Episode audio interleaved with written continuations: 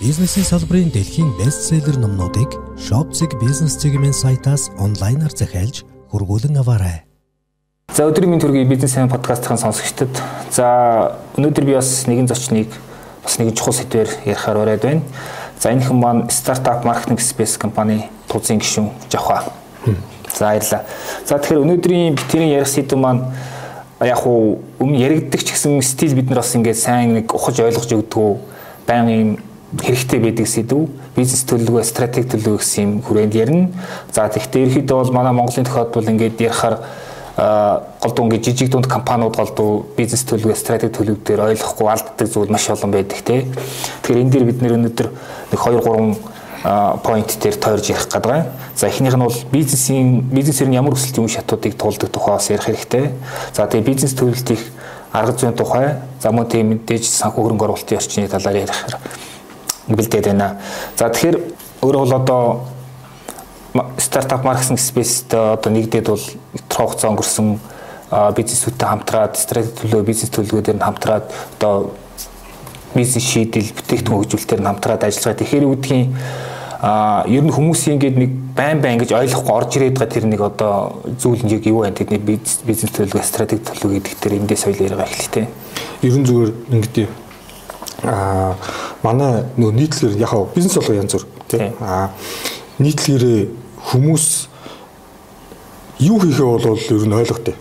А яаж хийхээ бол тэндээс ингээд шийдэл хайгаал яваад нэгдүгээрт хоёрдугаарх нь нөгөө асуудлуудын ач холбогдол нь өнөөдөр яг яг одоо бизнес төр тулгараад байгаа асуудлууд, шийдлүүд те эсвэл хүсэлтийн шийдлүүд ч юм уу те алийг нь өнөөдөр өмнө тавих вэ гэдэг энэ талаар бас маш тийм нэг уюутай одоо эргэлзээтэй маш их явдаг, ингэж явдаг. А ерөн зүгээр юм одоо би нэг сонирхолтой кейсээр өнгөрсөн жил миний нэг хамтарч ажилладаг компани бас нэг бас хамтарч ажилладаг маркетингийн компаниас сервис авах гээд одоо тэр хоёрыг хооронд нь холболт уулзалт молцтэйгээд тэгээ ерөнхийдөө нийт ажлынх нь үнийн дүүн нь 30 сая төгрөг болсон байхгүй. Одоо өнгөрсөн жил тэгээ тэр нь болохоор 3 сарын хугацааны нэг брендинг төлөлт мөлт гэсэн тийм л ажил байсан. Тэгээд гэрээ мөрөнийг байгуулад байгуулагдаад ажил нь эхлээд ингээд дөнгөж эхлээд явж хахад тэр маркетингийн компани өөрөө ажилласаа татгалцсан байхгүй. Тэгсэн чинь тэр нь ямар учиртай вэ гэхээр бид нар танай бизнесийг ийм түвшнэх гэж бодоагүй. А бид нар бол одоо энд ингээд одоо хийсэн гэрээнийхээ дагуу одоо брендинг төлөвлөлт янз бүр юм хийгээд сууж байна. А гэтэл танах компани чинь ингээд явуулж байгаа үйл ажиллагаа би мань юу энэ түвшинд хүрээгүй байна. Тэгэхээр бидний ажил өөр үр нөлөөтэй байж чадахгүй гэгээд өөрсдөө саналаараа гэрээгээ туслаад та нарт илүү одоо борлуулалтаа ингээд дэмжсэн маркетингийн ажлууд хэрэгтэй гэдэг. Тэгээд өөрсдөө ингэж нөгөө одоо 30 сая төгрөгийн гэрээнээс нөгөө үс гүйцэтгэгч нь өөрөө татгалзаж байгаа байхгүй яг бид нар танаас бенефит өгч чадахгүй гэдэг утгаар тэгээд татгалзаад а тэгээ яг зүгээр ингээд нөгөө одоо танилын журмаар жижиг нөгөө борлуулалтыг дэмжих маркетингийн талаар зөвлөмжүүд өгөө салж исэн байх жишээ. Энэ өөрөө юу илэрхийлж байна гэхлээр компани мэдээж өсөлт болон ингээд нөгөө одоо уналт те уналтын уналтын тодорхой үе шатуудыг туулдаг. А үе шат болгонд өөр өөр ингэсэн тодорхой сорилтууд байдаг. Бид нар ингээл ер нь ингээд нэг 3 4 баг тэр тэр кейсээс өмнө ингээл компани болгоныг ингээл шинэ бүр те шинэ компаниг хүртэл ингээл маркетингийнх нь ажил дээр брэнд хөгжүүлэн мөгжүүлэн ингээл ингээл явдаг байсан байхгүй. Тэгээ явдаг. Тэгээд сүүлд нь ингээд янз бүрийн асуудлууд ингээд судлаа судлаад үзэхээр а гарааны компаниуд бол өөр юм байна. А арай жоохон survive хийж байгаа компаниуд өөр юм байна гэдэг бол шийдэж авсан. Ер нь бол яг бид нар энийг ингээд а сүүлд бол бид нар бас ингээд зүйл хүүлчлэгээ сургалтынхаа ажлуудыг илүү загварчилсан. А ингээд загварчлахтаа бол яг хаа бизнесийн өсөлтийн үе шатнуудын тухай маш олон судалгаанууд байдаг. Тэгээ энэ өөрөө тийм бас шинэ ойлголт өөр бас биш л дээ. А маш олон судалгаанууд байдаг. А бид нар болохоор Харвардын бизнесийн судалгааг бол манад илүү тохиромжтой юм байна гэж илүү авчирчлаад явж байгаа. А дөнгөж одоо үйл ажиллагаа эхлээд а явж байгаа компаниудын хувьд бол шийдэх бол гурван асуудал байдаг. Энэ бол юу вэ гэхээр нэгдүгээрх нь гарааны санхүүжилт буюу өөрсдөө орлогоор зардлаа коверлох болох үед үе хүртэлх санхүүжилтээ яаж шийдвэрлэх юм бэ? А борлуулалтын сувгуудад яаж хүлээн зөвшөөрөх юм бэ? А гуравдугаарх нь гэдэг юм бол а яг нөгөө бизнес модельөө юу яаж зөв өсрөх вэ гэсэн юм гурван одоо юм асуудлыг шийдэх шаардлагатай байдаг. А тэгээд бид нар тэр нөгөө их сургуулийн юм ингээд а судалгаанууд ингээд уншаад авч ашиглаад гол суурэ болгосон шалтгаан гэх юм бол Монголдо таарчсан. Саяны жишээлбэл борлуулалтын сувг дээр ярих юм бол 2019 онд бид нар жижиг дунд бизнесийн талаар нэг судалгаа хийж ирсэн. А тэр судалгаан дээр жишээлбэл юу байсан бэ гэхээр нөгөө бид нэр тэрийг ингээд анх хийхдээ жижиг дунд компаниудын хамгийн чухал асуудал маркетингийн асуудал гэж мөн таамаглаж ирсэн. А тэгэхэд юу болсон бэ гэхээр яг ингээд нөгөө бод байдал дээр судалгааныхаа дүнлэлтийг хараад үзсэн чи илүү үйлдвэрлэл те түүхийд яаж татанд төлрүүлэх үү хүний нөөцөө яаж бүрдүүлэх үү энэ өөрөө маркетинг борлуулалтынхаас асуудлаас илүү том асуудал байсан. А борлуулалтын дээр очиод үзэх юм бол түрүү ярьсантай борлуулалтын сувг төлөв шүргдэх гэдэг чинь хэрэглэгчдийн интеграцийг тухай асуудал. А борлуулалтын сувг дээр болохоор а том том одоо дэлгүүрүүдээр гүйчичээд тий одоо э, манай борлуулалтыг дийлэх хувийн эзэлдэг хитгэн компани байгаа шүү дээ яг борлуулалтын хувьд гэх юм бол одоо нэр хүсийн дуртай болох эсгийг мэдгүй байна. Эдгээр дээр ингээд явж очиод бүтээгдэхүүнийг танилцуулах нэг үг тий тэгээд ингээд гэрээ байгуулад бүтээгдэхүүнийг хүлээлгэж өгөх өөр. А дараа нь тэдгээрийн шаардлагыг хангаад ажиллах мөн дээрээс нь юу вэ гэхээр яг нөгөө дэлгүүртээ яаж байрших гэдэг юм уу те дэлгүүр болгон дээр байгаа менежерүүдтэй өнөөдөр яаж харилцах вэ гэдэг гэдэг нь өөрөө бас тухайн компаниудын бас нэлээд том сорилтууд байгаа. Гэх мэтчлэгүүднээс яг тэр нөгөө Харвард юу манад их тохироо таараадсан байхгүй. А тэгээд түрүү чи нөгөө бүр өмнөх кейс рүүгээ ингээд яваад үзэхээр а яг брендийг бол яг ингээд нөгөө илүү яг нөгөө яг брэнд маркетингийг бол илүү нөгөө а брэнд бол өөрөө ихтгэл үнэмшлийн тухай ойлголт. А үр дүнгийн тухай ойлголт. А брендинг гэдэг бол тэр ихтгэл үнэмшлийг бүрдүүлэх маш урт удаан хугацааны ойлголт байдаг. Ангидаг. А манайхан бол зөвхөн нэг нэр лого хийчихэд брэнд бүтээчлээ бүтээчлээ брендинг гэл ингээл яриад байдаг шүү дээ. Ийм шилтэй. А тийм учраас бизнес модель нь нэлээд тогтцсон тий. А тэгээ тэрийг тэр ажлыг ингээд брендинг тэр нөгөө дам нөлөөг урт удаан хугацаанд санхүүжүүлээд явах чадамжтай компаниуд өөрөө брэнд маркетинг ажлыг хийх юм л. Энэ бол компани хөгжлийн 3 дахь үе шат буюу нөгөө саксас тий. А сакс одоо үе шат нь бол дотроо бас хоёр ангилагддаг. Хоёр ангилагддаг. Тэгээд энэ үе шатны компаниудын илүү одоо анхаарч ингээ хийх хэрэгтэй ажлууд нь маш таарад. Тэгэхээр нөгөө түрүүчийн үеч болохоор эхлээд existent хийгээд тэгээд survive үе дээр явж исэн компани тэр брэнд маркетинг өндөр зардалтай өөрчлөлт ашиглах гэсэн баггүй. А инхээр яаж үнэ гэхээр хэрвээ үйлдвэрлэлийн процесс дээр тодорхой асуудал үүсэх юм бол тий. А хэрвээ яг нөгөө санхүүжилтийн тодорхой асуудал үүсэх юм бол а яаж энэ өдөр нөгөө брендинг маш тийм урттай хугацааны хүчин чармайлтыг өнөөдөр нэг л одоо буруу үйлдэлээр бол одоо юу яхад одоо бүгднийг үр дүнгүй болох бололцоотой тийм эсэн тийм учраас энэ үе шат болгон өнөөдөр яг ямар ямар ач холбогдолтой юм бэ? Нэг үе шатнаас нөхөө шат руу шилжихийн тулд гол гол сорилтууд өнөөдөр яаж даван туулах вэ гэдэг дээр өнөөдөр бизнесүүд нэлээд сайн уншиж судалж харах хэрэгтэй юм шиг надад санагдав. Тэгэхээр би ч ажиглагтай ингээд зарим компаниуд үүдийн одоо брэндний муу тухайн бүтээгдэхүүнчлэхийн өөрөө хэр одоо хэрэглэхийн итгэлийг хүлээсэн чадамжтай гэдэг зүйл хамаарат одоо маркетинг тийм ам тарай штэ хэрэглэх гэдэг ингээл за энэ маркетинг нэг 50 сая ирээнийг ачуулгаар алаад гэх юм. Тийм.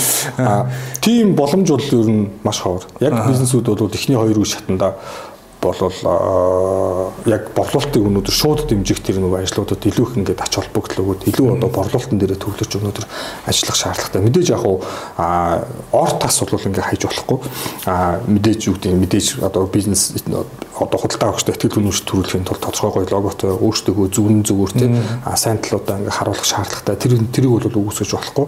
А гэхдээ бүр ингээд одоо фундаментли дараагийн шатнд шилжих зөв асуудал мөн үү биш үү гэдэг дээр бас өөртөө бас ялангуяа маркетингийн тал дээр бас нэлээд сайн бодох хэрэгтэй. Ер нь та яа.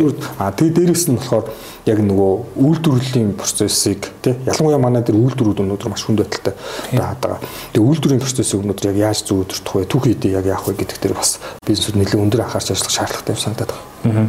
Ер нь яг нөгөө одоо манай дийлээ ажиглагдаг нэг бизнесийг ингээд зөвхөн одоо юу гэдгийг тодорхой хугацаанд ингээд нэг мөнгө олоод хаях одоо юу гэдгийг нэг тийм хэрэгсэлгээд а яг жинхэнэ бизнес чинь бас нэг өөр нэг тийм одоо вайлю гэж ярьдаг үнцний бүтээх явдаг. Тэр анх тэр нэг юм одоо юу гэдгийг эхлэл нь буруу явчихараа л тэгэл ерөөсөө нэг амьдрах чадвар болчихдөг юм шиг байна. Аа тэгээд дараагийн асуулт юу гэхээр одоо маах чинь нэг яг уу улсын бүртгэлд нэг 150 60 мянган байдаг хаа нэг компани байгаа. Тэгтээ бол тэр нэг бол ихэнх нь бол ингээд нэг ажиллагаа байцсан үйл ажиллагаагүй яг нийгмийн даатгатаа төлж байгаа нэг 50 60 мянган байна уу юу? А тэрнээс 80 90% жижиг дунд гэж байгаа шүү дээ. Тэгэхээр юу гэдэг яг одоо хоёулыг ярьж байгаа нөө бизнесийн өсөлтийн үе шатгийг үүднээс харахад ер нь Монголын компаниудыг аль шатандаа явж байна? Аа яг нийтлэг утгаараа гэх юм бол том зургаараа миний бодлоор survive буюу хоёр дахь шатанд авч байгаа. Аа. Яг тэгэхээр а энэ ингээд юм л да. Ерөн зүгээр сүүлийн 5 6 жил яг манай банкуудын статистик дээр ингээ харахаар чандгүй болон хугацаа хэтэрсэн зээлийн одоо нийт зээлийн багцд эзэлж байгаа хувь хэмжээ нь бол тогтмол өсөө явж байгаа. За тэгэл нөгөө нэг is of doing business индекс гэтэргэлээд гэжтэй бизнес эрхлэх одоо очны индекс индекс гэл энэ индексүүд бол бүгдээрээ дандаа ингээ буураад яваад байгаа байхгүй. Тэгээ ингээ явцсан. Аа бизнесүүд маш их хаалгаа барьж байна. Ер нь яг ингээ маш тийм төвхтэй байдлуудад бизнесмэнүүд маш их орж байна. Тэгээд дараагийн шатандаа шилжихэд яг бизнес дээр яг ямар өөрчлөлт хийх вэ, яах вэ гэдэг дээр нэлээд одоо бүхэл бизнес ер нь одоо бодох шаардлагатай ер нь болж байна. Бид нар чинь яг 1990 оноос хойш эдийн засгийн юм нуу гурван яг эдийн засгийн макро эдийн засгийн хувьд эдийн засгийн гурван загвар дээр ажиллаа гэж би хувьдаа бол үзтiin. 90 он 2090 он шилжилтийн эдийн засаг гэсэн 90-ад онд бол за тэгэхээр 2000 онд бол Монгол улс өөрөх хөстөхийн татрын орлогоор анх удаа төсөв бүрдүүлсэн. Ийм зүйлүүд тэгээ маш олон бизнесүүдэд бол нэгдээд ингэж явсан. Аа тэгээд 2000-ад онд бол яг одоо уул уурхаан тий. Уулуурхаа шалтгаалсан юм эдийн засгийн маш том том өсөлтүүд явж байсан. Монголын эдийн засгийн өсөлтийг бол сүүлийн одоо одоо дэлхийд гайхагддаг байл шүү дээ. За дэлхийн хамгийн өндөр өсөлттэй эдийн засаг ус гэдэг. А гэвч одоо сүүлийн одоо 10 жил бол үндсэндээ бол тогтчлоо. Дээрээс нь бид нар яг нөгөө төлбөрийн бүтэнцэл дээр нөгөө гадаа талдаа бол нөгөө үр төлбөр гэдэг маш том юм юу тогтсон. Ийм гурван өнөөдөр ийм шилжилтүүдийн дунд ингээд байлаа. Би 2020 онд тооцож үзчихсэн санагдаж байна. Би хугацааг жоохон буруу хийж магадгүй шүү. А тоонуудын жоохон жоохон зөрүүлж магадгүй. А 2004-өөс 2012 оны хооронд Монгол улсын эдийн засаг 16 12 дахин өссөн байна. 18 жилийн хугацаанд 12 дахин өссөн. А 2012-оос 2020 гэсэн 8 жилийн хугацаанд Монголын эдийн засаг 16 хувиар өссөн мэт ер нь бол тий. Тэгэхээр даблдж чадаагүй гэсэн үг байна.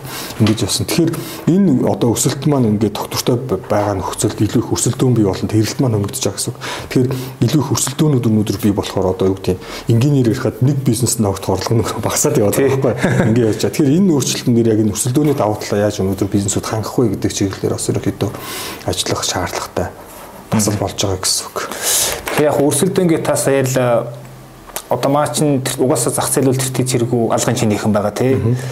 А 3.4 хүн сая хүнтэй. Тэгээд тэгсэн мөртлөө маш их үр дүнг өрсөлдөн ихтэй. Тэгэхээр яг хуу энэ олон одоо энэ жижиг дундууд маань ер нь яг цаашд яг энэ чинь бас нэг компани ганц хоёр компани асуудал биш ингээд нэг том үндэсний асуудал явж байгаа. Тэгэхээр одоо тэр төрүүлжихтэй эсвэл юу гэдгийг тэр нэг кластер гэж ямар ч гэсэн өрсөлдөөн бол бидний зам биш юм байна гэдэг юм дүнэлт байн байн гарч ирээд байхгүй. Энэ дээр зүгээр өөр анзаарсан зүйлээ. Нэг юм одоо угаасаа ингээд нөгөө бизнесүүд өөрөө мэдрээд ихсэн учраас экспортын санаачлагууд маш ихээр явж эхэлж байна. Би бас сүүлийн 2 3 жил яг нуулуурхаан бус салбарын экспортыг өнөөдөр яг яаж хөгжүүлэх вэ гэдэг чиглэлээр бас тодорхой судалгааны ажлууд хийсэн бас тодорхой төслүүдэд оролцож ажилласан л та. Ингээд явсан. Аа тэгэхээр ер нь юу гэдэг ер нь яг ингээд энэ дотоодын одоо валютын ханш ханш хүчтэй ингээд сулраад ирэхээр дотоодын үйлдвэрлэгчдийн өршлөх чадвар нэмэгддэг байхгүй импортын бараат өршлөх чадвар нэмэгддэг. Яг тэгэхээр импортоор орж ирж байгаа бараанд өндөр үнэтэй орж ирж байгаа гэсэн үг байхгүй. Ингээд явах юм эффект өгдөг. Тийм учраас яг энэ эффектийг ашиглаад яг энэ экспортын санаачлуудаа зөв хэрэгжүүлэх нь бол надад харьцангуй зөв санагддаг. А яг юуны хувьд бизнесүүд ингэж хамтарч ажиллах, хамтын ажиллагаа энэ гэдгийн хувьд бол жоохон түүхтэй санагддаг. Ер нь бол хувьдаа. Яагаад гэхээр бүх хамтын ажиллагаа өөрөө яг тодорхой чиглэл зорилготой, тодорхой үр дүнтэй, талуудын хөлийг хариуцлагатай, эрсдэлтэй, за тэгээд нөгөө юутай байх хэвээр тодорхой зохицуулалттай байх хэвээр. А хөрөнгө оруулалтын чиглэлээр ялангуяа жижиг дунд бизнес хөрөнгө оруулалтын харилцаан дээр бол нэлээд судалгаанууд хийсэн. Ер нь манай жишээлбэл компани тухай хууль бол ер нь яг энэ жижиг дунд бизнесийн хөрөнгө оруулалтын харилцаан дээр бол хоцрогдсон юм байна. Хөрөнгө оруулалтын тухай хууль, компани тухай хууль нь өнөөдөр яг зохицуулж чадахгүй хэмжээнд хүрсэн юм байна гэдэг бол бас ажилласан. Ингээд явж байгаа. Тэгэхээр одоо хөрөнгө оруулалт гэдэг ийм чухал харилцаан дээр зохицуулт нь өөрөө хоцрогдсон байгаа нөхцөлд а яаж өнөөдөр бусад төрлийн хамтын ажиллагааг өнөөдөр бий болох вэ гэдэг дээр бас аюул хэцүү. Жишээлбэл одоо франчайз гэдэг те одоо үндсэн бизнес дэш тэр одоо яг тэрэн дээр франчайзыг хөдөлж авч байгаа бизнес дэш тэр үр ашиг өгдөг сонирхолтой модель нь манай иргэний хөл дээр жишээлбэл ганцхан зүйлээр жишээлбэл зохицуулагдаж байгаа жишээ. Гэтэл ингээд тэрний цаан зохицуулах хэвээр маш олон ингээд асуудлууд байдаг. Тэ зарим улсууд бол тусдаа би даасан хуультай байдаг гэл гэх мэтчлэн тэгээд энэ эргэцүүн аргалгааг нь олоход маш төвөгтэй. Тэгэхээр л нөгөө нэг жижиг дунд бизнесүүдээс а хуулийн мэрэгжлийн оролцоо маш өндөр шаардаад ирэхээр яг энэ нөгөө нэгдүгээрх нь туршлагатай А нэг чигтэд тухайн чиглэлээрээ туршлагатай. А хоёрдугаарх нь үнэхээр яг чадамжтай хуульчд байна уу? Байгаа бол яг ямар үн төлбөртэй байна вэ гэдэг нь өөрөө яг маш маш төвхтэй асуудал. А төвхтэй асуудал. Тэгэхээр энэ дээр яг бид нар бас шийдэл гаргах гал ажиллах гал ингээд хичээжлэн да компаниуд ингээд нэгтгэж нөлөөлөлөд ингээд юу явж л байгаа. Гэхдээ ер нь зүгээр яг шулуухан хэлэхэд бид нар яг жилээс жилдэл яг бизнес эрхлэх орчин улам модж нэг 5 10 жилийн өмнө компаниудын санхүүгийн тооцоо амар өндөр гараад бид нар банкуд юм уу эсвэл хөрөнгө оруулагч нарт танилцуулахдаа ингээл тэнгэрийн тэнгэрийн тоо тавьсан. Яаж өнөөдөр хөрсөн дээрээ буулах вэ гэж яг өндөө толгой гашлахдаг үе бол цүнг байсан. Ер нь бол тэгэж ясан. А тэгээд нөгөө бизнес эзэд нь болохоор цаасан дээр тэр бүмтнүүд л байгаа байхгүй. Яг хоо тэр нөгөө гүйцэтгэлтэй хүрээгүй шалтгаан болохоор тухайн бизнесүүд өөрсдийнх нь хандлага процесс гүйцэтгэлтэй холбоотой асуудал үүдгээс. А одоо бол бизнесүүдийн санхүүгийн тооцоон дээр ажиллахаар а ашигыг нь яаж нэмэгдүүлэх вэ? Яаж энэ бизнесийг ашигтай болгох вэ гэдэг дээр нэлийн толгой өгдөг юм үе ирсэн байна. Нь бол ингэ явж байгаа. Тэгэхээр ер нь бол жилээс жилд байх. Тэгэхээр бизнесүүд илүү ухаалаг ажиллах хэрэгтэй болж таарч байгаа. Аа тэгээд илүү нөгөө өөрчлөлтүүдийг маш хурдтай хийх юм одоо шаардлагатай болоод ирж байгаа. Аа юунд бидний түрүү нөгөө нэг цус дүрдээд ихсэн нэг талдаа өөр ашигын тухай ойлголт, нөгөө талдаа мөнгөний тухай ойлголт гэдэг ингээд байсан тийм. Энэ дээр хоо бас бизнесүүдийг судлаад үзээсэй гэж бодож байна. А efficient and efficiency matrix гэж байдаг. А тэр нь болохоор юу гэхээр бизнес яг үр дүнтэй юу бас мөнгө олж байгаа юу гэдэг хоёр төрлийн хүчин зүйлүүдээр одоо бизнесүүд өөрсдөө болон хэрэгжүүлж байгаа төслүүдээ ингээд тавьж үздэг гэсэн үг байна. Ингээд а мэдээж бизнес тодорхой үнцэн бүтээгээд те өөртөө болон бусад тодорхой үнцэн бүтээгээд efficient deficient байж байгаа. А тэгээд мөнгө олдог, яг ашиг олдог байх юм бол трийг бол яг ингээд drive буюу одоо өсөлт хөгжилтийн бизнес бизнес гэнгээ яваад байдаг. А тодорхой үнцэн бүтээдэггүй мөртлөө мөнгө олоод яваад байдаг бизнесүүд бас байна. Мэдээж тэд нар бас л ингээд өсөлтийн шат руу ингээд шилжих шаардлагатай болж байгаа тийм. Эдгээр бол яг бүтээгдэхүүн үйлчлэгнүүдэд тодорхой инновацуудыг ингээд нэвтрүүлээд тийм явах шаардлага нь бол бий болдог. Эсвэл бусад компаниудтай нийлдэг ч юм уу тийм. Би яг одоо нэг тим компани дээр ажиллаж байгаа. Мөнгө олоод байдаг. А тэгсэн мөртлөө одоо юу гэдэг бизнес нь өөр одоо бизнесийн эзэн өөр тэр бизнестэй нэг тийм одоо юутай биш те кафтай биш те тэгээд нэг үйлдвэрлэл зараад идэв те. А дотор нь байгаа ажилтнууд хүртэл бас өөрсдөө бас тийм юутай биш. Тэгээд тэд нар дээр ингэж ажиллаж ажиллаж байгаа. Ерөөсөө тань яг нөө бүтээгдэхүүн үйлчлэгийн үнцэн гэдэг юм ерөөсөө маш муу байна гэдэг а тэр үнцнийг нэмэгдүүлэхийн тулд бүгдээрээ одоо ингэж нөгөө тодорхой инновацуудыг нэвтрүүлэх хэрэгтэй юм байна гэдэг эргэл хаавал хийгээд явж байгаа. А юуг бол тодорхой үнцийг бүтээдэг мөртлөө ашиггүй бизнесүүд бас байдаг. Энийг бол дайслаа өгдөг буюу ер нь удаан хугацаанд наад бизнес чинь өхөн шүү гэсэн санаатай юмнууд байдаг. А энэ бизнесүүдийн хувьд болохоор өөрчлөх шаардлагатай зүйл нь болохоор нэгдүгээр тухайн бизнесээс засаглаа сайжруулах хэрэгтэй. Өөрөөр хэлэх юм бол удирдах тий удирдлагатаа нэлээд өөрчлөлт хийх хэрэгтэй гэсэн үг. Яг одоо бас нэг тийм бизнес дээр ажиллаад засаглалын тодорхой хэлбэрүүд өөрчлөлт явж байгаа. Жишээл хоёр төрлийн өөрчлөлт хийж байгаа. Нэгдүгээр нь бол тэр компаниг туцтай болгосон. Аа хоёр дахь өөрчлөлт нь гэх юм бол нөгөө co-CEO буюу аа манай зохицуулт нэр байдаггүй маа. Гэтэ гадна бол байдаг. Нөгөө гурван гүйцэтгэх захиралтай компани болгосон тэр компаниг. Яг тэгэхээр яг одоогийн нэг тухайд өнөөдрийн хүртэл тэр бизнесээ удирдсан гүйцэтгэх захирал нь өөрөө яг цаашаа бизнесээ удирдаад ингээд аваад явхад нэгдүгürt нь чадвар нь туцсан тий хоёрдугаар нь өөр төр нь хитрхийг хачаал байсан нөгөө өнгөрсөн 2 жилд нь хитрхийг хачаал байсан учраас бүр ингээд сэтгэл зүйн үед юм стак болсон байсан байхгүй ер нь бол ингээд явж байгаа. Тийм учраас энэ засаглалын хэлбэрийг нэлээд өөрчлөх хэрэгтэй. А хоёрдугаар нь бизнесийн процесс дээр бас нэлээд том том өөрчлөлт хийх шаардлагатай байдаг.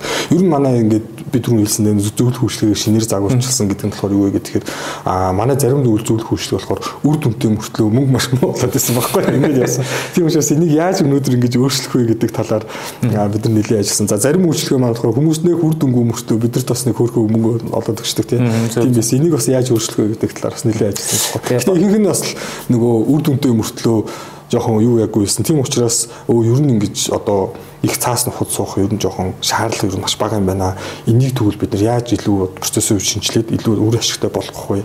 Одоо хэрэглэгчнээс төгч үн цэнийг бууруулахгүйгээр яаж өөрсдөө ингээд зардлыг багасгах вэ гэдэг энэ чиглэлээр бол бид нэлээд бодож ажилласан. Тэгэхдээ одоо зүгээр ажиад хараа ингээд хүн хэдий мөнгө байсан ч гэсэн тий яг хоримтл байсан ч гэсэн ингээд ганцаараа бизнес хийнэ гэдэг тийм үйл баг байхгүй болцсон юм шүү тий одоо борлогоороо гэж явах тийм үе байхгүй одоо тэр хүмүүс яг гол нөгөө нэг стратеги бизнес одоо шийдлээ олцсон л бол тэгээд баг одоо бусд нь ингээд өөр хүний хийлгэж болох ажууд юм санагдаад байгаа тоххой. Ерхэд яг энэ нэг соёл энэ юу юм одоо хэв төрөвч чадж байна. Одоо чинь бизнесийн дараагийн эхэлж байна гэж яриад байна шүү дээ. Аа яг уу хамтын ажиллагаанууд тийм бий болоод мэдээж явах ёстой тий бизнесүүд ингээд чаддаг чаддаг хийгээд ингээд хөгжөөд явах ёстой. Яг уу энэ бол манай дээр э, сүүлийн хэдэн жил маш хүчтэйгээр ингээд яваал тий. Жишээл маркетинг одоо компани жишээлбэл маркетинг дээр бол амар том аль байгуулах юм болчлоо шүү дээ. Маш цомхон. Аа тэгэл сошиал медиагийн нэг хүү хариуцаал тэгэл магадгүй тэр нөгөө одоо яг маркетингийн менежер ч юм уу тий эсвэл албаны дарга гэдэг хүн өөрөө нөгөө баахан юм нөгөө одоо гэрээт компаниудыг л хооронд ингээд тэгээ уялдаа холбоог нь яг тиймэрхүү ажлууд руу илүү шилжээд явж байгаа. Аа гэхдээ нөгөө бид нар нөгөө нэг одоо юу болгоод ярьдаг байхгүй нөгөө тоглоом шоглоом болгоод ярьдээ. Нөгөө компанид нөгөө дотоодын нийт пэшн гэж байдаг. Дотоодын нийт дотоодын пэшн гэж байдаг гэдэг. Яалтгүй үүсгэн байгуулагч төр байд. А үүсгэн байгуулагч нь гараал явуучвал маш олон бизнесүүд зогсдог. Ер нь бол тэг энийг юусэн юу яаж болохгүй. А одоо мартаж болохгүй.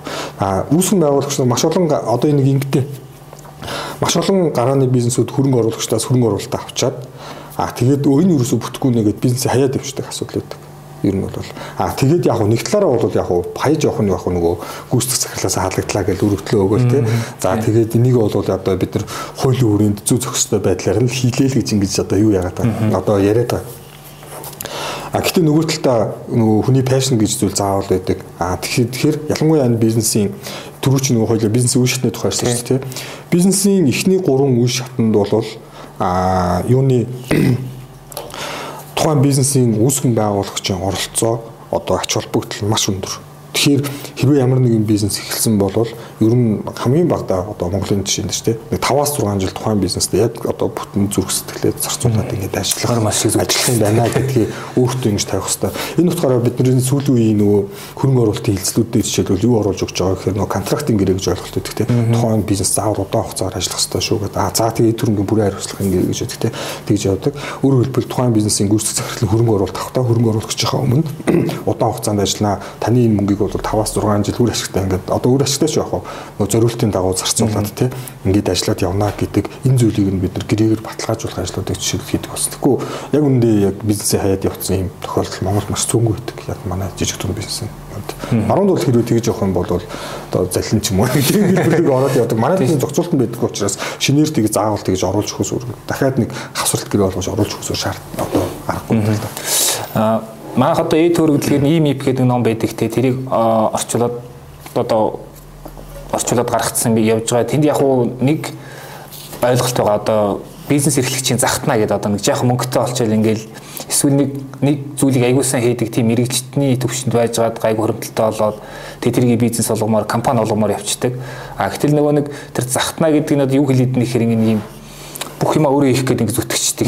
Гэтэл явж явж эргээд харахаар ингээ өөр өөрийн бизнесийнхаа боол нь болцсон байдаг. Те бүр сүүлдээ ихэндээ дурлж дурлж исэн ажил нь сүүлдээ бүр үзий ядах ажил болцсон. Байдаг бушууг харж авах маар маар гэдэг. Те тийм болцсон байдаг. Тэгэхээр юу гэдгийг одоо Монголд бол бас ингээд одоо нэг э, нийтлэг үйл байдаг шүү дээ. Одоо захиралдаа дургу дургу байгаа захирлаасаа салаад өөрөө тийм өөр хүн бусад хүмүүсээр дургу захирал нь болчдөг тийм нэг марцсан тохиолдол те тэгэхээр юу гэдгийг асуух гээд нэхэр яг энэ бизнес эхлэх гээд одоо нэг захтнаа хүрсэн яваад байгаа хүмүүс ер нь яг одоо та бүхэн сая нэлийн том зургаар нь ярьчлаа шүү дээ. Бизнес орчмор ч ер нь яг хөгжлийн шатмат гээд. А яг зүгээр тухайн мөнгөтэй бизнес эрхлэхдээ хүн дээр ирэхээр ер нь яг тэр одоо стратеги яаж төлөвлөвөл илүү зөв байх уу ямар бизнес модель одоо бизнес модель боловсруулахдаа ямар зарчмуудыг баримтлуул илүү одоо энэ орчин те илүү ашигын маржин гайгүй байх ч гэдэг юм уу яг тэр талаас нь ярил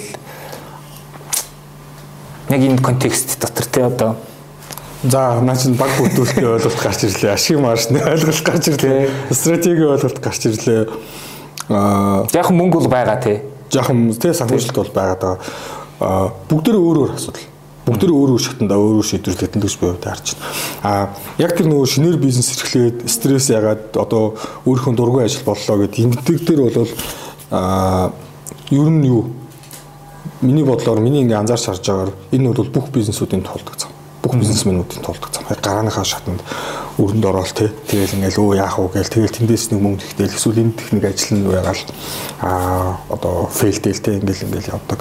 А тэгэнгүүт дан ингээд за тэр тэр болгоныг мөнгөөр шийдвэрлэх боломж За мөнгө бол одоо юу гэдэг 3-1 хэсгэндээ нэр нь бол. Яагаад гэхээр нөгөө ингэдэм жишээлбэл нөгөө а юун дээр жишээлбэл барилгын салбарт юу гэж үздэг вэ гэхээр барилгын төсөл хэрэгжүүлэхэд нийт 120 эрсдэл учирдаг. Тэрний 88 түгээмэл учирдаг. Энэ 88 эрсдлийн эрсдэл нь 5 субъектээс ирдэг. Гэхдээ энэ 5 субъектийн 3 дандаа гүйцэтгэгч нар байдаг байхгүй. Архитектор. За тэгээд гүйцэтгэгч нар тий. А тэгээд нөгөө туслан гүйцэтгэгч нар гэтэр гэсэн ийм гурван төрлийн ингээд юунууд байдаг жишээлбэл. Өөрөөр хэлэх юм бол мөнгө бийж болно. А юу хийж баг байж болно. А гэхдээ тэднийг яг ямар процессор яаж өдөрдөх вэ гэдэг нь өөрөө хамгийн том асуудал юм. Ер нь. А яг бизнесийн төрөний хуулиа үе шатнуудын тухай ойлголт ярьсан зөвлөмжүүд дээр болохоор юу гэдэг юм бэ гэхээр яг тэр нөгөө existent ч юм уу эсвэл survive гэдэг нь эхний 2 3 дахь үеуд дээр тэр нөгөө менежментийн багийг тийм супер ур чадвартай байх шаардлагагүй гэж үздэг. Ер нь бол бүр одоо юу гэдэг маркетинг зарцсан гэнтэргээд одоо бизнес яг нөгөө суур ингээд юмнуудыг бизнес бол 3 дугаар үе шатндаа л нэвтрүүлэх шаардлагатай гэж үздэг. Нөгөө талдаа тийм учраас би яг энэгээр юу гişлэхийг хүсэж байгаа хэрэг яг санхүүжилт авна гэдэг бол тухайн бизнесийг босгоод ирж байна гэдэг ойлголт бас биш нэг. Хоёрдугаар нь хэрэг мундаг мундаг хүмүүс байна гэдэг бол бас а тухайн бизнес амжилтанд хүрнэ гэсэн үг шээ. А гол нь тэр байгаа нөөцүүдийг яаж зөв өдөртөх вэ гэдэг энэ процессын асуудал нь өөрөө хамгийн чухал зүйл болоод байдаг. Нэгдүгээр. А ер нь бол яг одоо ингээд нэг явагдаж байгаа нэг маргаан байгаа. Би нэг жоохон цогтцсон байгаа. Цогтохч яах вэ? Тийм нөгөө над нөгөө яах вэ яах вэ гэдэг хэрэг цогтчихгүй. Яацсан. Тэр нь болохоор юу вэ гэхээр цай нэг бизнес а 250 сая төгрөгийн хөрөнгө оруулалт аваад тэгээд дампуурцсан. Ер нь зүгээр ингээд явж байгаад тэг хөрөнгө оруулагч нартайгаа уулзаад хөрөнгө оруулагч нь гинц бизнесийн сонирхоод мөнгө өгсөн чинь жишээлбэл ингээд дампуурч байгаа байхгүй. Тэг ингээд ятсан. Багийн хувьд түрүү ингээд ярихад аа юу багийн хувьд бол ярихад одоо ингээд нөгөө одоо би нөгөө маш олон нөгөө бизнесүүд ингээл презентац танилцуулга танилцуулга юм сонсоход өө манайд ийм ч мундаг мэрэгчлэн байгаа, ийм ч мундаг эксперт байгаа байгаа гэл ингээл ингээл ярьдээ. Тэгээд яг ингээ бодит байдал дээр тэдний тухайн бизнес, тухайн төслүүдэд яг ямар бодит үр нөлөө үзүүлээд байна гэдэг зүйл нь өөрөө ерөөсө харагддаг. Тэр яг бизнест баг чухал мохол гэл ингээл фейсбુક ингээл постууд яваад дээ. Тэгэхээр энэ дээр болохоор юу Тийм мэдээж бага мундаг хүмүүсээр бүрдүүлэх хэрэгтэй тий айлуулах сайн хүмүүсийг ингээд аваад урт хугацаанд үр нөлөөтэй ажиллах хэрэгтэй тэрийг бол ойлгож байгаа. Аа тэгтээ яаж зөв зохион байгуулж өдөртөх вэ гэдэг зүйл бол илүү чухал санагддаг. Аа миний зүгээр анзаарснаар яг ингээд нойлоос эхлээд амжилттай явж байгаа бизнес бизнесмэнүүдийг ингээд харахаар ер нь энэ зүгээр нөгөө миний зүгээр анзаарах кейс шүү дээ. Яг энэ одоо яг тодорхой их сургуулийн зөвлөмж зөвлөмж энэ төр бол биш. Аа ингээд анзаараад харахаар ер нь яг бизнесийн гол үүсгэн байгуулагч нь яг нэг арыг нь сахиж идэг нэг хүн байд юм шиг байна ер нь бол тий бүл бизнес одоо ингээ анзаараад та одоо ингээд хэлэнгүүт ингээ таад миний хажууд чинь ямар мундаг бизнесмен байгаа вэ? За тэрий чинь бизнес үүсгэн байгуулахад нь хажууд нь хэн байлаа гэд тий ямар харилцаатай байлаа гэд таад нэг эрүүлээд нэг бодоод үзэр. А тэгэхээр заавал мэдгүй миний анзаарч байгаа нь хоёулаа л байгаа шиг байна. Яг нэг арыг нь дааждаг. Манай нөхрөг захирал гүйцэтгэх захиралтай үүсгэн байгуулагч бол ингээл гадар явал гой гой юм хагээл яг ингээл ажлыг нь хойно хийгээл ингээд явж байдаг нэг хүн заавал ингэж байж байдаг. Ер нь бол анзаардаг. Тэгэхээр энэ анх ингээ бизнес үүсгэн байгуулах гэж байгаа бол бас хинтээ хамтарч хинтээ удаан хугацаанд явах вэ гэдэг энэ зүйл бас маш чухал. Бүх хүнтэй удаан хугацаанд ажиллах боломжгүй бүх хүнтэй vibe нийлээд ингээд явуулаад бүх хүмүүс өр нөлөө өгөх шал байхгүй. Юм бол а гэтээ хамгийн гол нь ки хүмүүс өр хэн байх вэ? Түрүүн хоёлаа нөгөө бизнес төлөлтийн тухай нөгөө цохос дуртай өнгөрсөн тий а бизнес төлөлтийг ч гэсэн би бол хувьдаа сүүлийн үед компаниуд өөрсдөө хийх ёстой гэж үзэж байгаа. Хин нэгэн зөвлөх хүслэх хэрэггүй. А эсвэл хин нэгэн ажилтнаа даалгаа заа нэг бизнес хийж ирэй гэж бол болохгүй. А яг ингээд ки ажилтнууд яг энэ ширээгээ тойрч сууж байгаа л за бүгд яг ямар асуудал яаж сайжруулах вэ? Бидний гол асуудал яг юу юм бэ? гэдэг дээр яриад ер нь яг яаж амжилттай гэдэг яаж амжилттай ингээд Харин тэн дээр бол яг нөгөө туслалцаа үзүүлж болно гэсэн үг байхгүй. Аа бизнесийн танах энэ үе шатанда байгаа юм байна. Энэ үе шатанда байгаа компаниуд ийм сорилтууд өнөөдөр туулд юм аа. Та нар өнгөрсөн хугацаанд ийм үнд зүйл бүтээсэн байна. Ингээд ингээд явцсан байна гэд. Аа тэгээд нөгөө янз бүрийн матрицын шинжилгээнүүд өгдөг те бүх ингээд төслүүдийг ингэж авч үзэж мүзээд аа ингээд явахаар яа тэгэхээр бизнес дараагийнхаа түвшинд гарахын тулд ер нь яг ямар ямар ажлууд хийх ёстой юм бэ гэдэг үндсэн ийм төслийн чиглэлүүд гараад ирдэ. Ер нь бол бас. Ер нь бас сонирхолтойгоор гарч ирсэн. Тэгээд өөртөө хийгээд ирэхээр дотроо илүү ингээд нөгөө ухаад тий өөртөө илүү бодоод ингээд яхаар хийж байгаа ажлыг хач холбогдлыг илүү ойлгоод байгаа байхгүй. Тэгээс гадны зөвлөх хэрчээд нэг юм ингээд бичээд өгчөөр нөгөө тийм ингээд ер нь жоохон хайр цаг хайр мөнгө болдог. Тийм тохиолдол байдаг. Аа буцаад нөгөө бизнесийн орчинтой нөгөө том зурагтай холбоод асуухад одоо яг хөө ингээд нөгөө манайд ч одоо 6 нэрийн 8 нэрийн бараа гэдэг тийм бизнес модель ер нь байгаа гэж хэлэхэд болох гэдэг шүү дээ. Тэгэхэд энэ ерөөхдөө тэгэж одоо нөгөө нэг бүтцээ харсан ч гэсэн худалдаа үйлчлэгээ ингээд дийлэгтэн байж идэх те. Ерөөхдөө тийм нэг нэгнээс юм аваад нөгөөх нэг жоохон үн нэмээд зарж байгаа эсвэл зүгээр нэг хүнд нэг хэрэгтэй үйлчлэгийн тухай үед нь өгөөл явж байгаа тийм нэг шийдлүүд байгаад тах шиг байна. А гэтэл ингээд сүүлийн юу анзаарч байгаа нэг нэг франчайзууд орж ирээтэй ингээд одоо нэг түүцнийхэн чинь сэв биднийг бодоолуулаа гэж яриад байгаа шүү дээ. Яванда энэ маань ингээд ерөөхдөө амьдрах чадваргүй янз янзын тийм тогтцсон стандарт процессууд дийлдэд явах юм биш үү гэсэн юмний одоо болгоомжлох юм эсвэл юу гэх нэг тийм зүгээр бодол байгаад байгаа. Яг энэ хിവэрээ бидний 8 нэр 6 нэрийн модельээрээ цааш яваад байвал нь юунд хүргэж болох уу? Ийм нөгөө би бол хувьдаа энийг маш сайн үр дүн гэж хардаг. Тий. Сая жишээлбэл нөгөө G25 төрийн ордонд нэгтлэл бүү шууган болоод шүү дээ. Миний хувийн байр суурь бол дэмжиж яг тэгэхээр хэрэглэгч очих хэвээр. Ер нь хэрэглэгч очих хэвээр а стандарт гэдэг юм нэмэгдэх хэвээр тий. А баян ингээд сайжраад явж явах хэвээр одоо нэг талаа яг ингээд бизнесүүд ингээд дампуурч дампуурч байгаа нь бол одоо тийм одоо сайхан зүйл биш л тий а гэхдээ нөгөө талаа бол нийт ингээд хэрэглэгч масс өнөдөр хошоод явж байна гэсэн. Энэ дээр зүгээр нийтлэг нэг ойлголт байгаа. Энэ манай маш олон миний бодлоор бол манай маш олон бүр ингээд салбарын хөгжлийг татж байгаа олон нийтний буруу хандлага байдаг. Тэр нь болохоор юу вэ гэхээр үн өндөр байна. Үнийг буулгая. Үн бол үрхийн зардлыг өсгөж ийн нэтэр гэж ингэж ярьдаг. А хэрэглэгчийн үнцний тухай ерөөсөө ярьдаггүй бид нар. А үн хэрэглэгчийн одоо үнц нь хоёр бол одоо өрсөлдөх чадварын зоосны хоёр тал нь багхгүй. Ер нь бол нэг жүнцийн нэг жүнээр яг ямар үнцийг хэрэглэгчд өгöd байгаа вэ? Ямар үнцийг хэрэглэгч нарт өгöd байгаа вэ гэдгээр бол одоо бидний юу тодорхойлогддог. Өрсөлдөх чадвар тодорхойлогддог. Яг тэр дэлгүүрүүд одоо юу гэдгийг а шинээр орж байгаа тэр дэлгүүрүүд үний үед магадгүй баг зэрэг өндөр байж магадгүй юм зүгээр мэдэхгүй байл та харьцуулж үзээг болохоор а гэхдээ тэнд ингээд үйлчлж байгаа үйлчлэгээ те ингээд юу гэдгийг засуулж байгаа цаг хугацаа магадгүй сонголт гээл гэх мэтлэн те ер нь таван төрлийн хэрэглэгчийн үнц байдаг.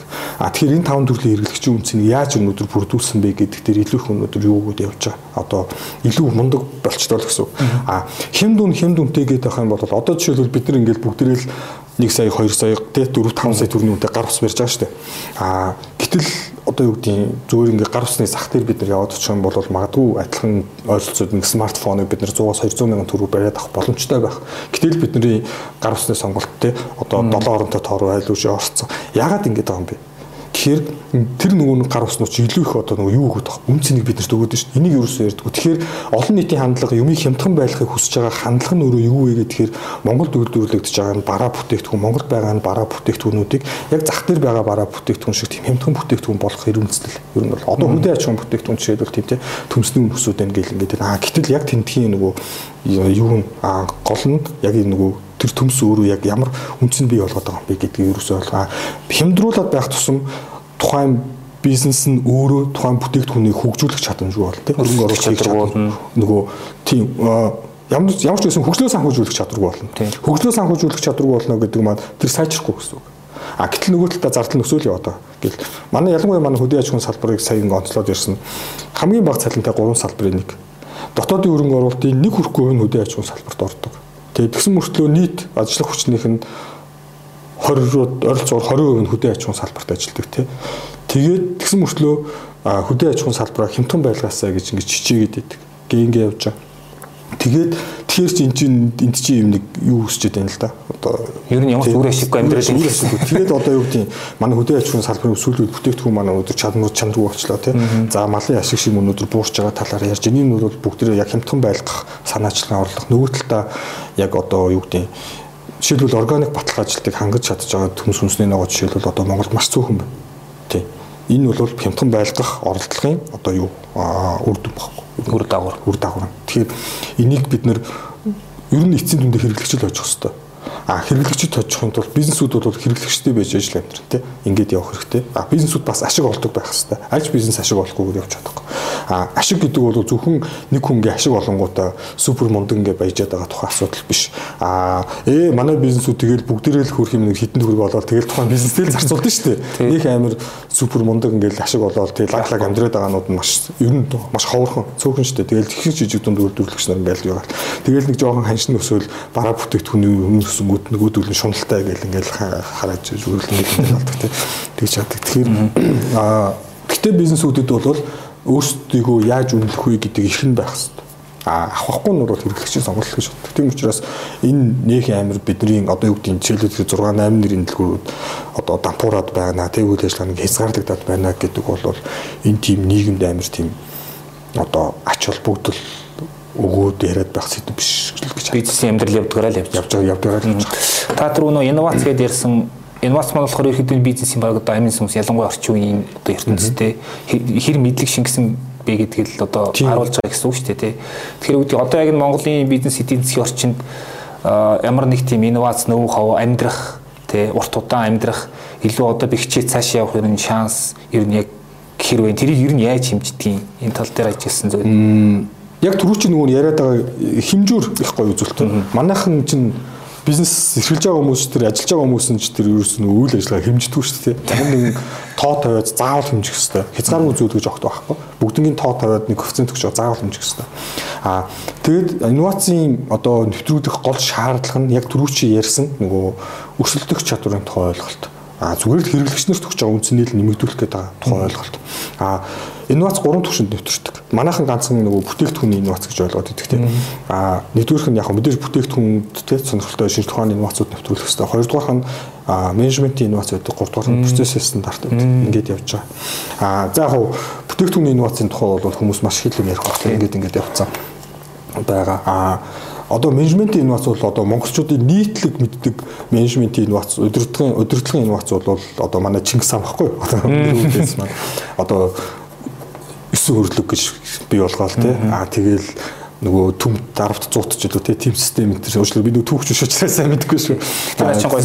систем туваагаад ингээд энэ нөгөө Чингис хаан бол Чингис хааныг бол би бол хувьдаа яг өдөртгөн ухааны антрепренер гэж үздэг тийм. Одоо яаж сайн хүмүүсийг одоо тийм шилж авах уу тэр бүтцийг яаж зөв өдөртгөх үү гэдэг тэр маш зөв ажилласан юм хүн гэж харагдав. А гуравдугаарх нь яг процесс стандарт. А ялан одоо яг энэ дээр ингээд ярихад би үйлдвэрүүд дээр илүү төвлөрч ярихыг ярих хэрэгтэй л гэж бодчихлаа л да. Энэ юу вэ гэхээр яг одоо манай жижиг дунд үйлдвэрүүд үнэхээр хүнд байдалтай. Тийм.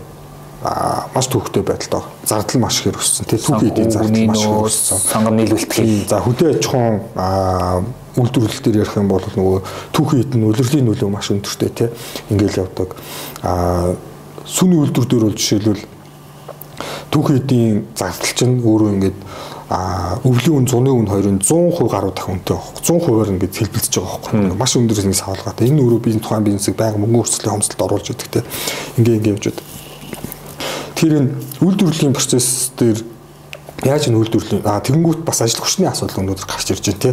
А үйлдвэрлэл дээр бол хүний нөөц одоо хамгийн том проблем болсон байж байгаа жишээ нь ингээд ингээд явдаг. Тэгэхээр энэ үйлдвэрлэлийн процессыг өнөөдөр яаж зөв өдөртөх юм бэ гэдэгт дээр а юунууд одоо одоо бид нар ер нь нийтээрээ харах хэрэгтэй юм шиг санагддаг тийм одоо бодлого тодорхойлогч нар бизнесмэнүүд эсвэл яг одоо зөвлөх компаниуд гэлтэй ингээд ингээд явдаг. А хувьдаа л намайг хэрвээ дахиад шинэ бизнесийн бизнес зөвлөх үйлчлэгээ одоо санал болгоо юу юу хийх вэ гэж асуух юм бол би бол мундаг үйлдвэрлэлийн менежерүүдийг тийм үйлдвэрлэлийн процесс өдөртөг менежер Монголд ирээд тийм одоо гаднаас юм авчираа. Ялангуяа хөдөө аж ахуйн салбар тийм хөдөө аж ахуйн салбар байна. Тийм ер нь л боловсруулах үйлдвэрлэлийн бүхэл салбарт үйлдвэрлэл хамгийн үр ашиг нь авдаг зүйлүүд өдр болсон. Тэгэхээр энэ үйлдвэрлэлийн одоо процессыг зөв өдөртөх энэ дээр яаж инновац нэвтрүүлээд үр ашигтай болгох гурван инновац гурлал хэрэгтэй байна тийм. Энэ дээр бол яг манай үйлдвэрүүд бол нэлээд ач холбогдол өгөөд магадгүй одоо тийм гадны мундаг үйлдвэрлэл өндөр хөгжсөн орнуудаас Монгол улс чинь үйлдвэрлэлийн өрсөлдөх чадвар индексээр дэлхийд 104-т ордог байхгүй. А нийт гадагшаа гаргаж байгаа бараа бүтээгдэхүүний 96% нь ямар нэг инновац шингээг үүснэ үздэг. А тэгээд инновац шингэсэн байдлыг бол одоо high tech, mid tech а тэгээд low tech гэсэн юм гурван түвшинд ангилдаг. Тэгээ үлдсэн 4% нь бас дийлэнх нь tech дээр явж байгаа. А Герман бол үйлдвэрлэлийн өрсөлдөх чадвар индексээр дэлхийд нэгт ордог байхгүй. А гаргаж байгаа бараа бүтээгдэхүүнийх нь 96% нь инновац шингэсэн бүтээгдэхүүнүүд байдаг. Ер нь бол ингэж явдаг тэгж байдаг. Тэгэхээр энэ одоо үйлдвэрлэлийн инновац өнөөдөр манай дээр маш чухал. Бүтээгдэхүүн инновац ер нь бүх л инновац чухал байна. Гэтэ миний ингээд анзаарч харж байгаагаар түрүү чинь нөгөө судалгаатай ч гэсэн те ингээд уялдуулаад ингээд харахад манай дээр яг энэ одоо түүхийд татаа авалт бэлтгэн нийлүүлэл за тэгээ түгээлттэй холбоотой энэ бизнес яг энэ суур модулууд дээр одоо яг процессын талаас инновац нэвтрүүлэх заавал юм шаардлага үүсэж байгаа. Тэгэхээр энэ дээр одоо мундаг зөвлөхүүд гаднаас авчирдаг ч юм уу те эсвэл одоо юу гэдэг үйлдвэрлэлийн менежмент сайн мэддэг хүмүүс өөрсдөө сайн зарлаж энэ асуудыг чи ингэж шийдвэрлэх боломжтой гэж ингэ шийдлүүдээс хаваалцдаг байх хэрэгтэй. Маркетрууд маркетингийн зөвлөх компаниуд бол амар мундаг шүү дээ. Ингээл лаглаг гой гой юм яриад те өөрсдөө ингэ промот хийхдээ ч гэдэг нэг ажил нь болохоор амарсан. Одоо тэд нар маань жоох үйлдвэрлэлийг сайжруулах хэрэгтэй байна л гэж боддог. Ер нь яг манай нэг компаниуд ч ингээл компани байгуулаад маргааш нь ажиллаа эхлэнгүүт л survival модод орчдөг тий. Амьд existence зэрэг existence existence орох хэрэгтэй болно тий. Тэгэхээр яг уу одоо бас нэг асуулт байгаа нь одоо тухайн бизнесийн чинь цаашаа өсөх үгүй юу гэдгийг бас илтгэдэг тодорхой одоо нэг шин чанарууд гэх юм үзүүлэлт байх хэрэгтэй. Тэг. Ерөн зүгээр яг уу яг уу сая хоёул ингээл баахан асуудал ярьлаа л да. Ерөнхийдөө энэ орчин маань ингээд нөө бизнесүүдийн өрсөлдөх чадварыг маш их моомлж байгаа ерөнхийдөө бүх талаас нь тий. А гэхдээ зүгээр бас ингээд тэр чинь цаашаа өсөх боломжтой шийдлүүд бас байж таарна шүү дээ. Ер нь яг тухайн бизнес цаашаа өсөх чадамжтай гэдгийг нэг 2 3 үзүүлэлтээр нь яаж таних вэ гэдэгт яг Аа энэ юм би тий. Наа ч одоо Миний өөрийгөө зардаг 2.1 шиг тийм. Аа би нэг 30 орчим ажилтнтай нэг 4 5 охин компанитай нэг группт бизнес хариуцсан захирал хийж ирсэн. Тэнд бас нэлээд одоо ажилласан. Бүр ингээ анх байгууллагатаас нь хэлгээл ажилласан. Дараа нь тийм нэг Biotech компани жил хүрэхгүй хугацаанд ажиллаа. Тэр маань бол дампуурсан. Тийм байсан. А тэр анханасаа эхэлж байгуулсан компани өнөөдөр бүр амжилттай ажиллаа. Тэгээ гадаад зах зээл дээр яаж ажиллах вэ гэж судалгаа хийгээд ингээд явж байгаа. Тэгээд 2016 7 оноос эхлээд нөгөө нэг компани дампуурсны дараа энэ хоёр компани ер нь юугаараа ялгаатай байсан бэ гэж ингээд шинжил судалж үзсэн байхгүй. Ингээд ер нь яг нэг 3 бүлэг 10 ийм нөгөө шинж чанар ингэж гаргаж ирсэн. Аа бизнесүүд ерөөсөө өсөлттэй байхын тулд ийм 3 бүлэг 10 асуудал дээр анхаарах хэрэгтэй байна гэж ингэж ингэж гаргаж ирсэн. Аа дараа нь тэрийг ингэ скоринг карт болгоод тэгээ олон улсын байгууллагуудтай хамтраад бүр мундаг болгоо бүр мундагч байх үз гэсэн ингэ сайжруулалт сайжруулалт энэ хийсээр хагаад тэгээ сая бас сая өнгөрсөн онд бас 2 3 компаниуд дээр нэлээд амжилттай хэрэгжүүлээ. Яг компаниуд дээр өсөлтөн дээр энэ зүйл дээр анхаараарай гэх тэгээ тухайн компаниуд зүтгэмжийг авч ашиглаад ер нь үр дүн сайтай байгаа. Аа одоо дахиад нэг нөгөө мэдээж ингээд нэг боловсруулалт явц талдаа гарч шүү дээ.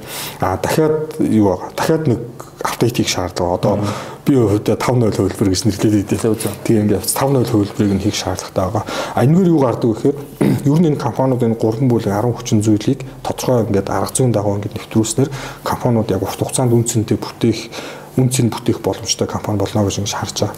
А энэ 10 хүчин зүйл мэдээж яг түрүүч ярьсан компани өсөлтийн үе шаттай холбоотойгоор хоорондоо ач холбогдол нь өөр өөр ер нь бол ингэж явд.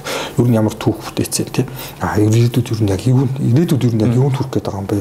А ямар түүх бүтээцээ юм бэ? А тэгээ энэ компани юу хэр чадвартай компани бэ гэсэн ийм гурван бүлэг асуудлыг хүрээндэл ер нь тодорхой асуудлуудыг бол хэмжиж үзээд тий. Ингээд одоо тодорхой судалгааны тухайн компаниуд дээр тодорхой судалгаануудыг хэмжиж үзээд за тэгээд оноожуулаад төвшин төвшинлэгээр ингэж ангилдаг ингэдэг гэсэн. Тэгэхээр гурван бүлэг асуудал байгаа л гэж байна. За тэгэхээр одоо мөнгө талаас тэг хөрөнгө оруулалт санхүүжилт талаас асуух хэрэгтэй гэж бодож байна. За яг одоо бид нар бүгдээрээ мэдж байгаа ингээд хөрөнгө оруулалт санхүүжилтийн хүртээмжүүд аль аль талдаа муу байгаа. А яг одоо бол сүүлийн үед нөгөө нэг бонд гэдэг нэг жаахан том мөнгөтэй хүмүүс ингээд бонд хөрөнгө оруулах маягаар ингээд жаахан тоглож явах шиг байна тий. А гэхдээ яг нөгөө нэг нийгэмд ингээд ажлын байр бий болгоод өрхийн амжиргааг дэмждэг тэр нэг бизнесүүд манерээс ингээд мөнгөний гачаалд орчоод ингээд байж байна. Тэгэхээр юу гэдгийг энэ нөхцөлд а тийм хөрөнгө оруулалт санхүүжилтийн илүү үр ашигтай шийдэх юм илүү оновчтой эсвэл илүү шинэлэг гэдэг юм уу тийм нэг систем хэм үү шийдэл хэм үү эсвэл тэр нэг механизм бүрдүүлэх боломж юу вэ? Ер нь яг хөрөнгө оруулалт тал дээр та бүхэн хамтарч ажиллагаа газруудаар яг ямар зөвлөгөөнүүд болдог өгöd байна? Гэдэг. За би бол хувьдаа яг нэг үнэт цаас ч юм уу бонд монд дээр ч ажилладаг яг нэг мэрэгжлийн санхүүжүүл биш. А гэхдээ жижиг дунд бизнесийн яг санхүүжилтүүд дээр бол бас баг хугацаанд ажилласан. Өөрийн гэсэн бас тодорхой онцлогтой байхгүй. Ингээд явж байгаа. Аа яг ингээд бод бодол төр юу болдог вэ гэхээр ингээ гой гой ингээ презентац төсөл мөсөл бэлдээд за хүнээс мөнгө авах амархан байхгүй. Уушлаа. А дараа нь тэрнийхээ хариуцлагыг яаж хүлээх вэ гэдэг нь хамгийн хэцүү байдаг. Ер нь бол аа тэгэхээр зүгээр ийм аа үндэ бол хөрөнгө оруулалт татах бол тийм хэцүү ажил бол биш. За тэгээд хөрөнгө ерөөсөө нэг гол асуудал нь манай жижиг дунд бизнесүүдийн санхүүгийн харилцаанд оролцож байгаа хандлага нь өөрөө маш дутмаг. Нэгдүгээр хөрөнгө оруулагчийг ашиг олох гэж ингэж тэгж тэр утгаар ерөөсөө хандахгүй байгаа тий нэг буйны байгууллага шиг хандах тохиолдол бас цөөнгөө байгаа даа ингээд байдаг. За хоёрдугаар нь гэхээр а тэр хүмүүсийн өмнө яаж өнөөдөр хариуцлагатай байх вэ гэдэг ийм ойлголт өнөөдөр бас маш тутмаг байгаа. А хэрвээ энэ хоёр ойлголтыг өнөөдөр бий болохгүй за би ашиг олох гэж байгаа хүнтэй хамт ажиллаж байгаа шүү. Би тэр хүмүүсийн өмнө тодорхой хариуцлага хүлээх гэж байгаа шүү гэдгийг ухамсарлахгүй болвол энэ бүх хийгдэж байгаа одоо санхүүжилтийн чиглэлийн ажлууд өөрөө тийм сонирхолтой үр дүнд бас хүрэхгүй ер нь тийм байна. Тэгэхээр ингээд а маш л олон ингээд бизнесүүд ингээд хоорондоо ингээд хөрөнгө оруулалтын зорилгоор мөнгө өгөлцөж авалцсан бол харсан. А дийлэнх тохиолдолд нь хөрөнгө оруулагч нар маань хохирч үлддэг. Ер нь бол. Аа яг тэ өө нэг хүүрхэн за энэ дэстэ хүүрхэн бизнес хийх гэдэг юм шиг байна гэдгийг л авчид нэг тий одоо багада нэг 100 200 тий тэгэл ингээл 500 сая төгрөг мөр ингээл авчаал өгчдөг аа тэгээд нөгөөдгөө эргүүлээд гаргаж авч чаддаггүй тохиолдол маш их ер нь бол тэгээ яг яг нөгөөдөл нь ажил эсвэл заримдаа бүр хаяа авсан байдаг ч юм уу тийм ингээд. Ер нь бол компаниуд хөрөнгө оруулагчаа гомдоодог 5 бүлэг 15 асуудал байна. Компаниуд хөрөнгө оруулагчаа гомдоодог 5 бүлэг 15 асуудал байна. А энэ 15 асуудал дээр компаниуд яаж өнөөдөр баталгаа гаргах вэ гэдэг нь өөрөө хамгийн чухал. А төсөл бичээд мөнгө аваад тэрнийхээ ингээ юу тэр бол чухал. Мэдээж бол юу гэдэг жижиг дунд бизнес хөрөнгө оруулалт хийж байгаа хүмүүс энэ бол эрсдэлтэй шүү гэдэг бол ойлгож байгаа. А гэхдээ өөрсдийнхөө зүгээс учруулдаг бизнес эрсдэл шүү гэдгийг ойлгож байгаа. Өөрсдийнхөө зүгээс учруулдаг тийм 15 одоо асуудал واخгүй компани нь өөрсдөө үүсгэн байгуулагчид хөрөнгө оруулагчтай хүн гэсэн. А энийг энэ 15 асуудал өнөөдөр э, юу байд юм бэ? Эндээс өнөөдөр яг яаж сэргийлэх вэ энэ гэдэг тухай бол яг бизнесүүд өөрсдөө яг нэгдүгээр нэгдүгээр бүлэг асуудал нь бол мэдээж бизнесийн гүйцэтгэл өсөлтийн асуудал байна тийм төрүүч хуулиар ярьсан стратегийн тухай асуудал байгаа даа. А хоёрдугаарх нь гэхээр баталгааны тухай асуудал байгаа даа тийм санхүүжилт. Гуравдугаарх нь мэдээлэл солилцооны тухай асуудал байдаг. Сонирхлын зөрчлийн тухай асуудал байдаг гэх мэтчлээ иймэрхүү иймэрхүү асуудлууд байдаг. Уучлаарай би яг дөрвөлгүүдээр нэрлэгээс нэрлэхээс шууд санахгүй байгаа юм. Жохон ингээ холиод явчлаа. Тэг ингээд яатсан. Тэгэхээр энэ асуудлуудаас яаж явах вэ? Тэгэл ингээ хүмүүсээс ингээл 2 300 сая төгрөг авчингуудаа талын авчиад найзтай өгчдөг юм хэлэх гэж байгаа гэдэг. Энэ бол маш том сонирхол. Энэ ийм кейс маш их. А мөнгөний авчаад ажиллаа жоох явуулж байгаа жоохон гацсангууд нь ерөөсө бүтэхгүй байна гэдээ хаяад явчихсан тохиолдол бас маш их. А мэдээлэл солилцоо тий. Одоо уг нь бол хөөх юм яг өөрөө үн чухлаар ажиллаад байгаа. А гэхдээ яг ингээд нөгөө мөнгөн гүйлгийнхаа мэдээлэл мөнгө өрсөлийнхаа мэдээлэл хөрөнгө оруулагч нарт бас хангалттай сайн танилцуулж чаддаггүй. Ер нь энэ ийм бас асуудал байдаг. Ингээр хоорондоо нүүдэл ойлголцол үүсдэг. А хөрөнгө оруулагч нар бол ихэнх тохиолдолд юу гэж хараад байна гэхээр энэ нөхөр намайг жоохон хурцтай байна гэж шаарддаг. Ер нь бол тий шаарддаг. Тэгээд тийм асуудал байна. Гэхэмчлэн ийм одоо 15 асуудал дээр процессын үед өнөөдөр яаж шийдвэрлэх вэ гэдгийг эхлээд бодох хэрэгтэй. Дараа нь бүгдээрээ аа за за одоо тэгвэл хариуцлага хүлээх чадамжтай. Эндээс энэ дээр энийг бас бид нэг ингээд scoring card оноожуулаад тийм аа чадамжтай байна, чадамж муутай байна гэдээ бас нэг 5 level level ангилж мэнгэлээд бас нэг хийдэг ажлууд байт. Энэ бол тийм ингээд Гээд ингээд ярих юм бол яг наа санхүүжилттэй холбоотой маш их юм ярих хэрэгтэй болно. Тэрийн санхүүхгүй байхаа. А гэхдээ нөгөө талдаа бол ийм ер нь жижиг дунд бизнесүүд аль болох гаднаас хөрөнгө оруулалтын зорилгоор мөнгө татан төлөвлөж явах хэрэгтэй. Өсөлтөө санхүүжүүлэхийн тулд бизнес банк нэг хэвэн байгаад иж болохгүй. Өсөлтийн төлөвөө зохиогоол тий а санхүүжилт аваа санхүүжилт аваад явж байх хэрэгтэй. Ингэж өнөөдөр бизнес маш хурдтай өсөд явдаг. Ийм тухай ойлголт байна. За хоёрдугаар ойлголт нь юу вэ гэхээр хоёрдугаар шаардлага нь юу гэхээр түрүү хэлсэн шүү дээ нэг эргэлт буудаад байна. Зээлийн иргэн төлөх чадамж буурч байгаа гэх юм. Энэ нүүр яг хөрөнгө оруулалтын санхүүжилт гэж ярьдаг нэг яг энэ санхүүжилтийн ач холбогдлыг бол бизнесүүд төр улам бүр нэмэгдүүлж байна. Ингээд ингээд явж байгаа. Тийм учраас түрүүчийн хэлээд байгаа 15 зүйлийг компани дээр бүрдүүлээд хөрөнгө оруулагчдын өмнө итгэл үнэмшил бүр бий болгоод одоо хөрөнгө оруулагч гэдэг чинь өөрөө мөнгө өгөөд эргүүлээд бас нэг авах гэж байгаагийн хувьд бас одоо нэг төрлийн хэрэглэгч гэдээ ойлгочих хэрэгтэй гэсэн үг. А одоо хэрэглэгчээс мөнгөний авсан бол бараа бүтээгдэхүүн өгөх хэрэгтэй шүү дээ. За хөрөнгө оруулагчаас мөнгө авсан бол ашиг авах хэрэгтэй гэдэг юм ойлголттой. Тэгэхээр энийгээ бий болгохын тулд тодорхой итгэл үнэмшлийг бүрдүүлэх ажлууд дээр компаниудаа хийгээд хэрвээ ингэж чадах юм бол бизнесүүд яг маш богино хугацаанд мөнгнүүдээ босгоод хурдтай хурдтай ингээд төсөөд явж болно. Тэгээ ингээд бизнесүүдийнхээ үнэлгээг өсгөөд те ингээд явж болно. Манай дээр яг жижиг дунд бизнес дээр ганц л асуудал үүд. Нөгөө тухайн бизнесүүдээс гарч чаддаг. За та надад нэг нэг одоо төсөл зориул 200 сая төгрөг өгсөн тийм үү тэр төсөл ингээ амжилттай явж байгаа. А мэдээж ингээд манайд ашиг хуваарлах мөрөх жоохон төвхтэй шүү дээ. За тэгэл ингээд баг хэмжээний ашиг хуваал энэ одоо компани ингээ томроо явцсан тийм. Тэнгүүт заахгүй би энэ 200 сая төгрөгдөө ногдох 30 ширхэг хувьцаагаа 3 дахь цэцгээд зармаар санагдаад байдаг тийм. Тэгжээж өнөөдөр яг цэвэр ашигтай ажиллах гоё ингээ яг хөрөнгө оруулагчийг өгж өгч гэдэг шүү дээ. Энэ маш төвхтэй байдаг. Ер нь яг бид нар ингээд шийдвэрлэх гээд бас нэг төсөл ер нь явж л байгаа. Тэгээд одоохондоо бас үр дүн танилцуулах үр дүнд бас хүрээгүй л байна. Тэгээд шийдвэрлэх хуулийн ч тэр технологи үүдсэн шийдвэрлэх маш их асуудал байгаа.